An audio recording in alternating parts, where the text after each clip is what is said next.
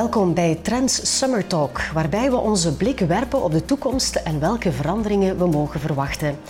En verandering zal er zijn voor mijn gasten vandaag, die na de voorbije Olympische Spelen in Tokio een punt zetten achter haar professionele basketbalcarrière.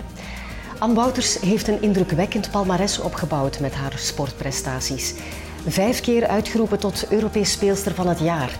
In 2005 speelde ze als enige Europese met de beste speelsters ter wereld in de WNBA All-Star Game. Ze behaalde elf nationale titels voor Rusland, Frankrijk, Spanje en Turkije. Anne Wouters werd vorig jaar 40 en een nieuwe etappe in haar leven wenkt. Welkom bij Trend Summer Talk. We zijn te gast in de Boutique Gallery in Knokkenzoete.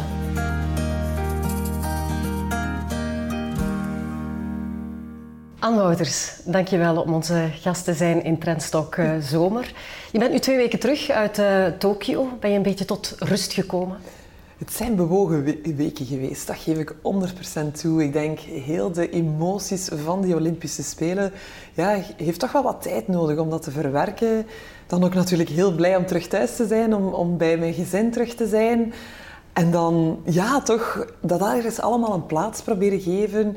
Um, de grootheid van die Olympische Spelen heeft me toch ook echt wel wel overvallen de teleurstelling van die laatste wedstrijd. Ehm, ja, veel dingen eigenlijk. Ja.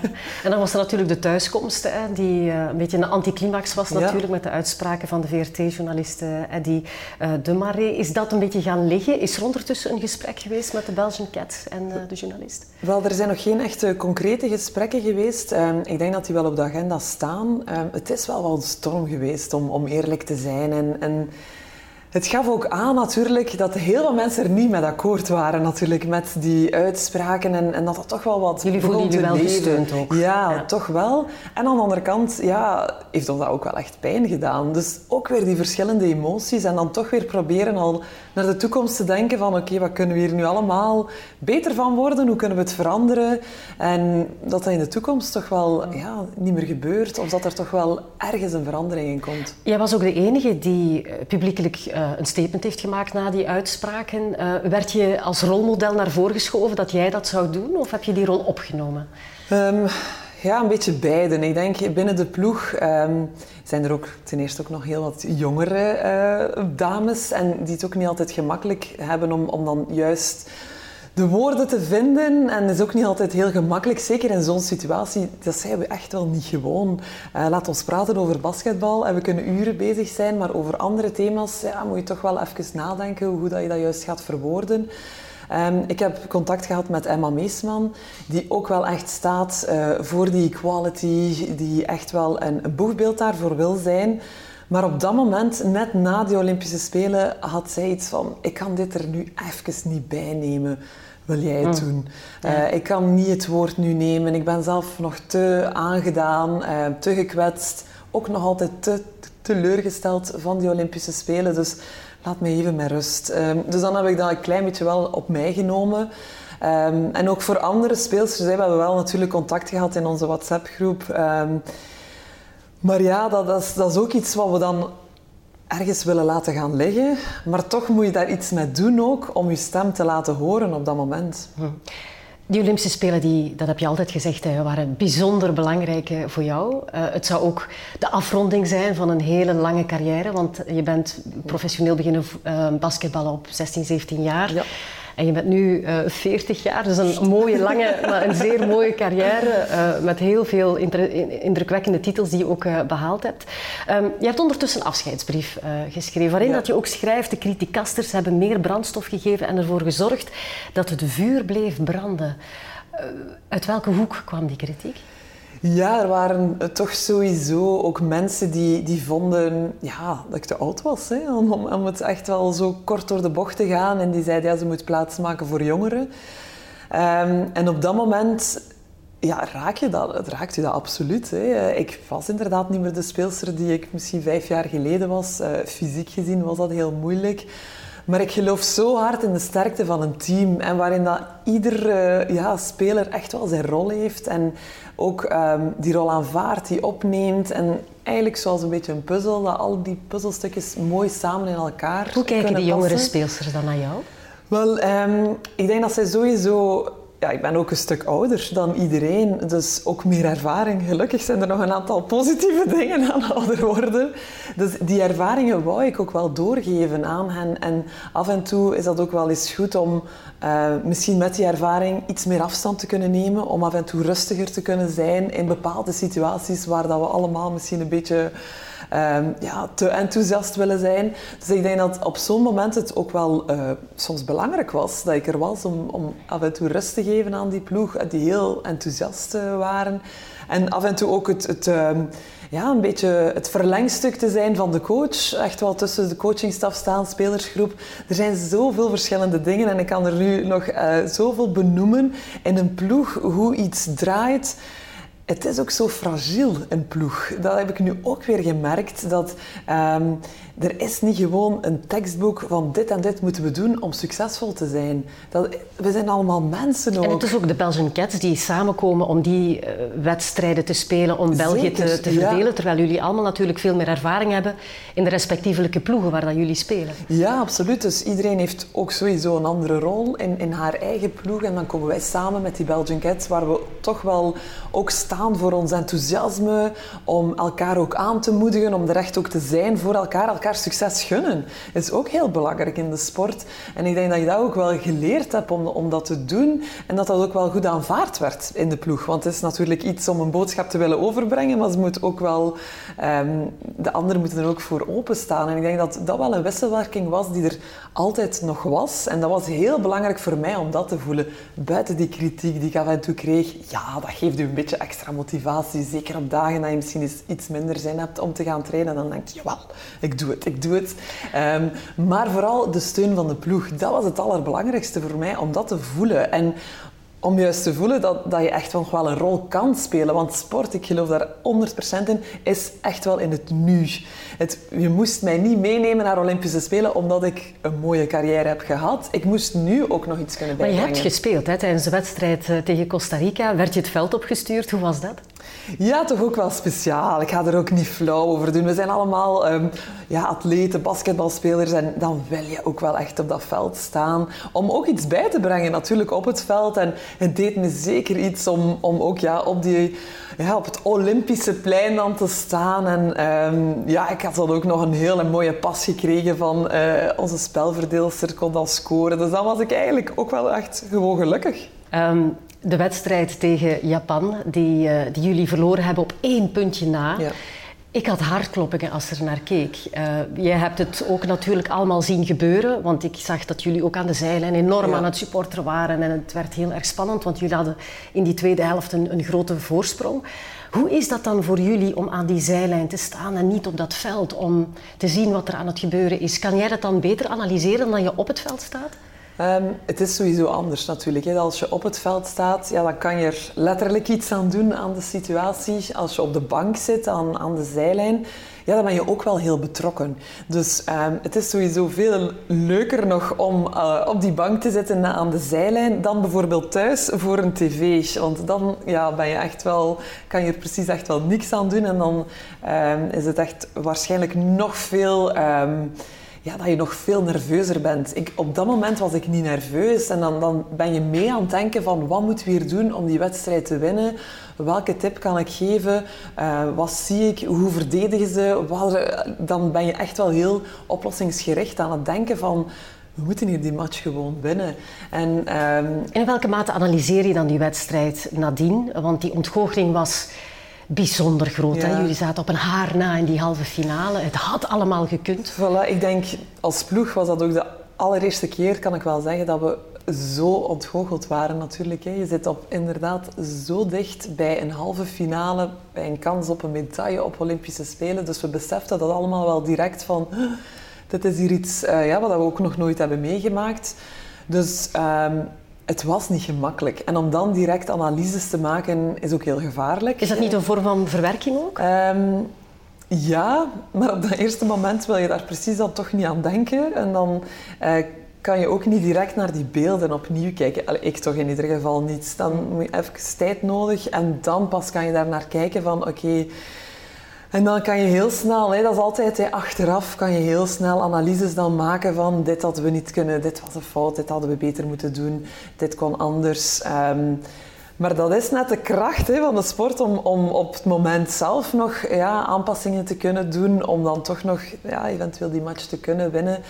Dus ik vind altijd zo'n beetje gevaarlijk, hè, achteraf gezien, uh, om dan echt wel die analyses te gaan maken. Je kan eruit leren. Hè. En, en hoe ga je als ploeg om met die ontgoocheling dan?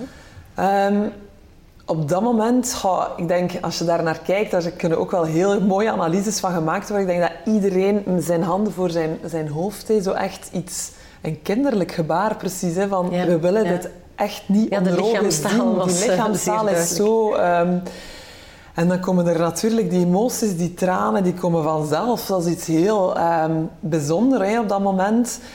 Ik weet dat ik dan de ploeg nog heel snel heb aangesproken op het veld van kom aan, ja, dit is de, een hele grote ontgoocheling natuurlijk, maar we moeten samen blijven. Want het is heel mooi om samen te vieren als het allemaal goed gaat, maar ook in ons verdriet, laat ons dat samen doen. En niet allemaal vertrekken in, in, in ons eigen, op ons eigen eilandje. Laat ons dit ook samen proberen te verwerken. Dat, dat, dat was een beetje mijn boodschap die ik snel nog op dat veld heb gegeven. En dan eenmaal ja, moeten we ook nog een beetje interviews doen. Dat is ook niet gemakkelijk om dan direct op dat moment uh, ook al ja, camera in je gezicht... Um, ja, daar toch nog iets zinnigs zeggen, terwijl je eigenlijk gewoon ja, wilt wenen of wil naar de kleedkamer gaan. Um, en dan eens dat ik in de kleedkamer ook terugkwam, waren de meeste speelsters er al. En dan was het gewoon ijzig stil in de kleedkamer. Ja. En dan is dat zwaar. Dan, dan voelde dat daar iets heel zwaar hangt. Um, en dan stilletjes dan is de coach ook nog binnengekomen. Die heeft nog een paar woorden gezegd. Um, maar dan heb ik toch het gevoel dat iedereen even tijd nodig heeft om dat alleen ergens te verwerken. En dan als groep terug ja, samen te komen. En um, ja, daar toch is heel moeilijk om daar de juiste woorden dan voor te vinden, want je weet dat je iets, ja, iets groots hebt gemist hè, op, uh, op een haar na. Tijdens de voorbije Olympische Spelen werd er heel veel aandacht besteed aan uh, de mentale uitdaging en ook belasting eigenlijk voor topsporters. Uh, wegens Simone Biles, die, de Amerikaanse topturnster die forfait gaf tijdens de teamfinale. Is dat thema ook bij jullie besproken? Ja, de mentale gezondheid is meer en meer wordt het besproken en, en dat is toch ook wel goed, um, want er is wel enorm veel druk. Maar je kan dat vergelijken met heel veel, heel veel andere sectoren waar er ook heel veel druk is. Um, ik denk dat we echt wel stappen vooruit aan het zetten zijn om daar ook dat bespreekbaarder te maken. Om te zeggen, ja, je fysiek, we trainen altijd heel hard, fysiek moet alles top in orde zijn. Maar eigenlijk het echte verschil wordt gemaakt, en al zeker in een ploegsport, wordt hier gemaakt. In je, in je hoofd, hoe dat je je voelt. Um, dan op persoonlijk vlak, eh, individueel, absoluut, maar ook als ploeg. Fysiek gezien ja, zijn er natuurlijk en, en uh, worden we heel goed begeleid, maar het mentale gedeelte is daar dikwijls dat er het verschil wordt gemaakt, omdat heel wat ploegen ik zie het altijd zoals ja, strijden een beetje met gelijke wapens. Om het duur traint iedereen wel ongeveer evenveel. Het is niet dat je daar fysiek nog echt wel hele grote verschillen kan maken. Dus het is als ploeg hoe dat je mentaal in elkaar zit, daar worden echt wel in mijn ogen het grootste verschil gemaakt.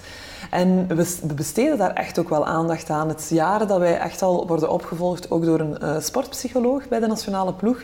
Als ik dat vergelijk met mijn andere teams en clubteams, was daar nooit budget voor. Uh, dus dat zijn toch wel dingen die, die ook ja, heel positief waren bij de Belgian Cats. Dat we van jaren geleden, al meer dan vijf jaar geleden, daar ook wel al aandacht aan hadden uh, besteed. En dan ook zowel in op individueel vlak, maar ook op het collectieve.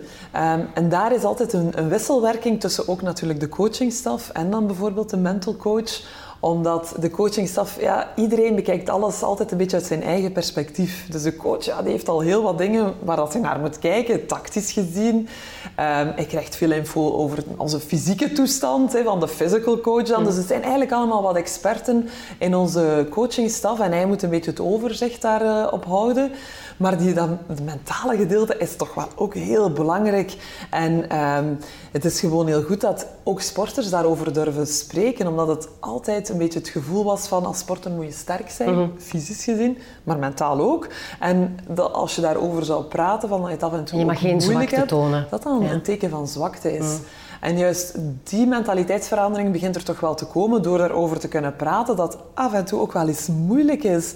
En dat het moeilijk soms is om met die druk om te gaan of ja, we zijn ook maar mensen. Soms worden we ook wel een beetje afgeschilderd als uh, superheroes. Of, of al zeker een Simone Biles die gewoon onoverwinnelijk is. Alles moet daar goed gaan. Um, en als je dan naar leven toch een beetje, ik heb er een beetje over gelezen, heeft zij ook een hele moeilijke leven al, al uh, meegemaakt. En dat af en toe ook wel moeilijk gewoon is dat wij ook ons eigen persoonlijke problemen soms hebben. En dat daar ook wel aandacht aan mag geschonken worden. Maar dat is zo'n beeld dat precies mm. niet past bij de topsporters. Hè. Die moet perfect zijn.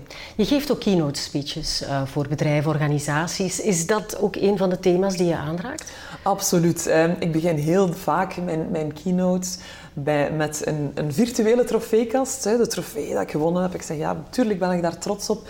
Maar dan de volgende slides zijn bijvoorbeeld de, de finales die ik verloren heb.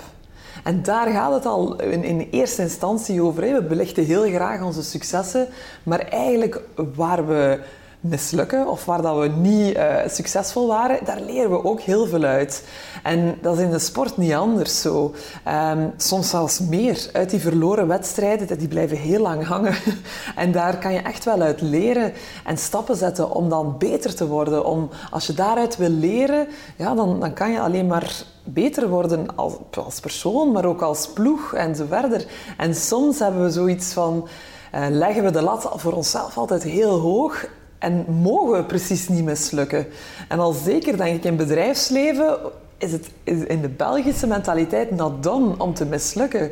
Terwijl kijk naar Amerika, daar hoort dat erbij. Als je nog niet failliet bent gegaan in Amerika, ja, dan ben je nog geen echte ondernemer geweest. Geprobeerd. Ja, voilà. Dus dat zijn echt wel menta mentaliteitswijzigingen die wij als Belgen soms ook, soms leggen wij ons ook zo'n druk op. Uh, niemand, ik ken geen enkel atleet die is een match uh, niet gewonnen heeft. We verliezen allemaal. En die kleine lessen kunnen wij ook wel meenemen. Natuurlijk willen we proberen om de beste versie van onszelf te zijn en ons, uh, en ons beter te maken. Maar af en toe gaan we ook wel eens falen. En dat zijn toch wel al dingen die we echt wel uit die sportwereld kunnen halen. Welke parallellen kan je verder trekken tussen de topsportwereld en de bedrijfswereld? Wel, voor mij is het uh, ja, ook een, een, een, kwestie van teamwork. Uh, basketbal is natuurlijk een teamsport en alleen kan je echt wel niks bereiken. Uh, maar in heel wat um, ja, in het bedrijfsleven moet je ook eigenlijk altijd werken als team. Uh, ik heb uh, al heel wat keynotes gegeven en op een of andere manier is er toch wel altijd uh, in teamverband dat je dingen kan bereiken. En daar kan de leidinggevende kunnen daar misschien een beetje vergeleken worden met de coach. maar toch zijn er zoveel dingen bij mij start het altijd van bij vertrouwen. Als er geen vertrouwen is in uw team, in uw ploeg, is het heel moeilijk om samen resultaten te halen. En dat is zoiets gemakkelijks gezegd. En vertrouwen bouwen uh, of vertrouwen geven aan iemand, ja, dat zijn toch wel dingen die je echt wel, waar je op kan letten. En dat kan je ergens wel ook insteken in jouw cultuur. Daar ben ik van overtuigd. En hoe kan een bedrijf dat doen? Want ze vragen jou ook een beetje om tips en tricks te geven. Van hoe, hoe, wat kunnen we meenemen vanuit die sportwereld om inderdaad een team te vormen? Hoe kunnen we dat toepassen in ons ja, team van werknemers die uh, bij ons uh, werken? al beseffen dat dat belangrijk is en daar al aandacht aan geven. Dat is al één punt. En um, dat kan heel simpel zijn, maar door een meeting, en we hebben allemaal heel wat digitale meetings gehad, om dat eens te starten, om een kleine ronde van de tafel te doen en misschien iets delen met elkaar dat we nog niet kennen van elkaar. En dat, ik krijg dan soms de vraag, ja, maar ja, we hebben al zo weinig tijd en dat moet allemaal efficiënt gepland worden. Maar ik ben ervan overtuigd dat als je daar inderdaad, dat hoeft geen uur te duren, maar als je daar een keer 10 minuten of 20 minuten in investeert, dat dat wel terug, um, zichzelf terug gaat uh, geven. En echt wel interesse tonen in jouw mede-collega en ook wel eens vragen hoe is het met u en dan werkelijk uh, daar ja, eventjes tijd in aan besteden en ik denk dat je heel wat daarvan terug kan krijgen en dan ook beter beseffen van hoe kunnen wij samenwerken. Um, er zijn veel verschillende uh, ja, persoonlijkheden natuurlijk. De ene heeft het heel graag super directe korte boodschappen, de andere moet je een beetje meer inkleden. Maar elkaar goed kennen is toch ook wel de boodschap om, om samen succesvol te zijn. En ook al investeer ik daar een beetje tijd in, ik ben echt van overtuigd dat dat de eh, Ja, dat is natuurlijk nu de vrees met het, het vele thuiswerken. En veel werknemers vragen ook om dat te behouden ja, dat het contact op de werkvloer wat zal uh, verwateren. Absoluut. Hè. We hebben dikwijls al gehoord hè, dat de beste ideeën uh, aan de koffiemachine komen. En dat dat natuurlijk het, het uh, moeilijke was tijdens heel de corona, waar iedereen toch wel wat geïsoleerd was. Um, aan zijn eigen bureau of aan zijn eigen keukentafel. Ja, dat juist die momenten de weg vielen. En het is ook wel mooi om te zien. Um, Vroeger hadden we misschien een beeld van uh, telewerken of thuiswerken, dat dat zo fantastisch was. En dan nu ook wel wat de mensen zeggen, ja maar nee, we hebben echt ook wel dat menselijk contact nodig. Wij zijn een sociaal dier eigenlijk. Hè. Wij hebben menselijk contact nodig. En de ene is natuurlijk iets beter, uh, kan zich beter concentreren om echt alleen door te werken aan zijn of haar bureau.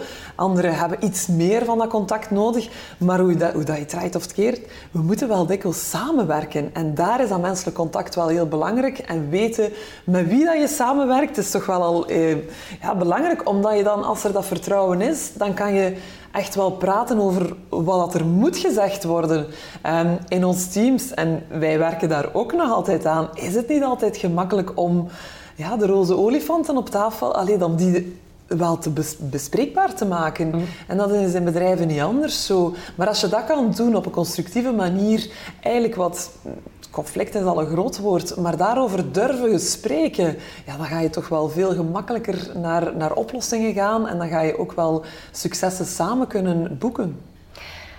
Je hebt nu je afscheid aangekondigd, uh, Anne. Dus uh, de vraag komt natuurlijk, heb je plannen? Wat, wat is het vervolg? Op pensioen. ja, uh, ik zeg dat dikwijls nu een beetje om te lachen. En mijn kinderen keken zo al een beetje van op pensioen. Van, uh, wat bedoel je, ga je niks meer doen? En natuurlijk niet. Ik ja, heb, dat gelooft niemand natuurlijk.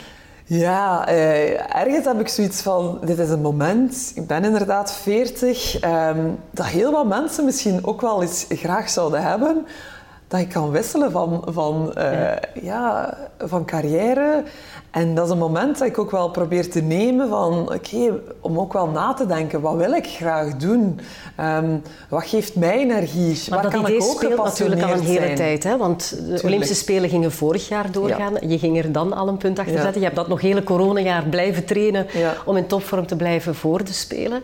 Um, dus er zijn misschien toch wel al een aantal dingen ja, die doorgecijpeld absoluut. zijn. Zeker. Um, er zijn ook al heel wat dingen dat ik denk, nee, dat is niet voor mij. Nee, niet voor mij. dus dat is ook al goed. Um, maar dus in de eerste plaats inderdaad die ervaringen doorgeven. Ik had denk ik twee, drie jaar geleden zou ik daar nog niet aan gedacht hebben om wat dat wij eigenlijk op, op, ja, op dagelijks uh, manier doen in een teamsport. Hoe kan ik dat vertalen naar het bedrijfsleven? Dus dat, op zich is dat eigenlijk ook al mooi om te zien dat die ervaringen uit de sportwereld eigenlijk ook wel kunnen, daar die parallellen kunnen getrokken worden voor bijvoorbeeld bedrijfsleven. Dus dat is iets wat ik graag doe, omdat ik dan ook ergens in een andere wereld binnenkom. En ik vind dat eigenlijk ook wel plezant. Nu natuurlijk het afgelopen jaar met corona was heel weinig fysieke events. Maar je hebt zo wel iets, als je in een bedrijf binnenkomt, voel je zo al iets van welke cultuur hangt er hier. Ik heb altijd wel wat voorbereide gesprekken voor een keynote, dus dan voel je echt wel wat leeft er daar in dat bedrijf. En ik vind dat zelf ook interessant, ik leer daar ook echt wel van bij.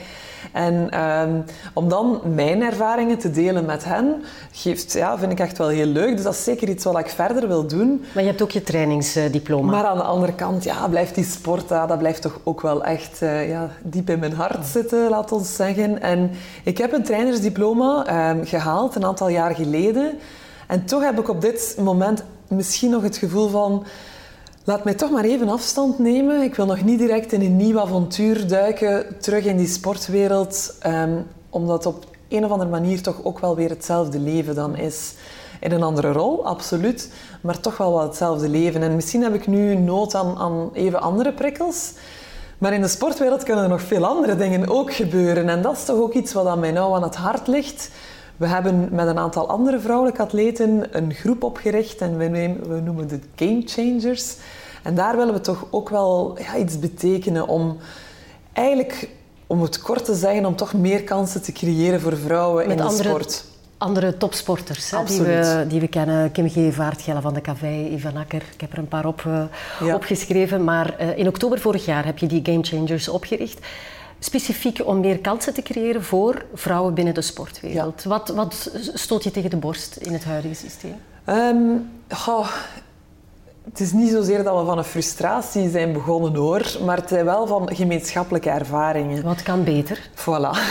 We hebben allemaal in heel wat verschillende sporten en heel wat verschillende disciplines onze ervaring opgebouwd.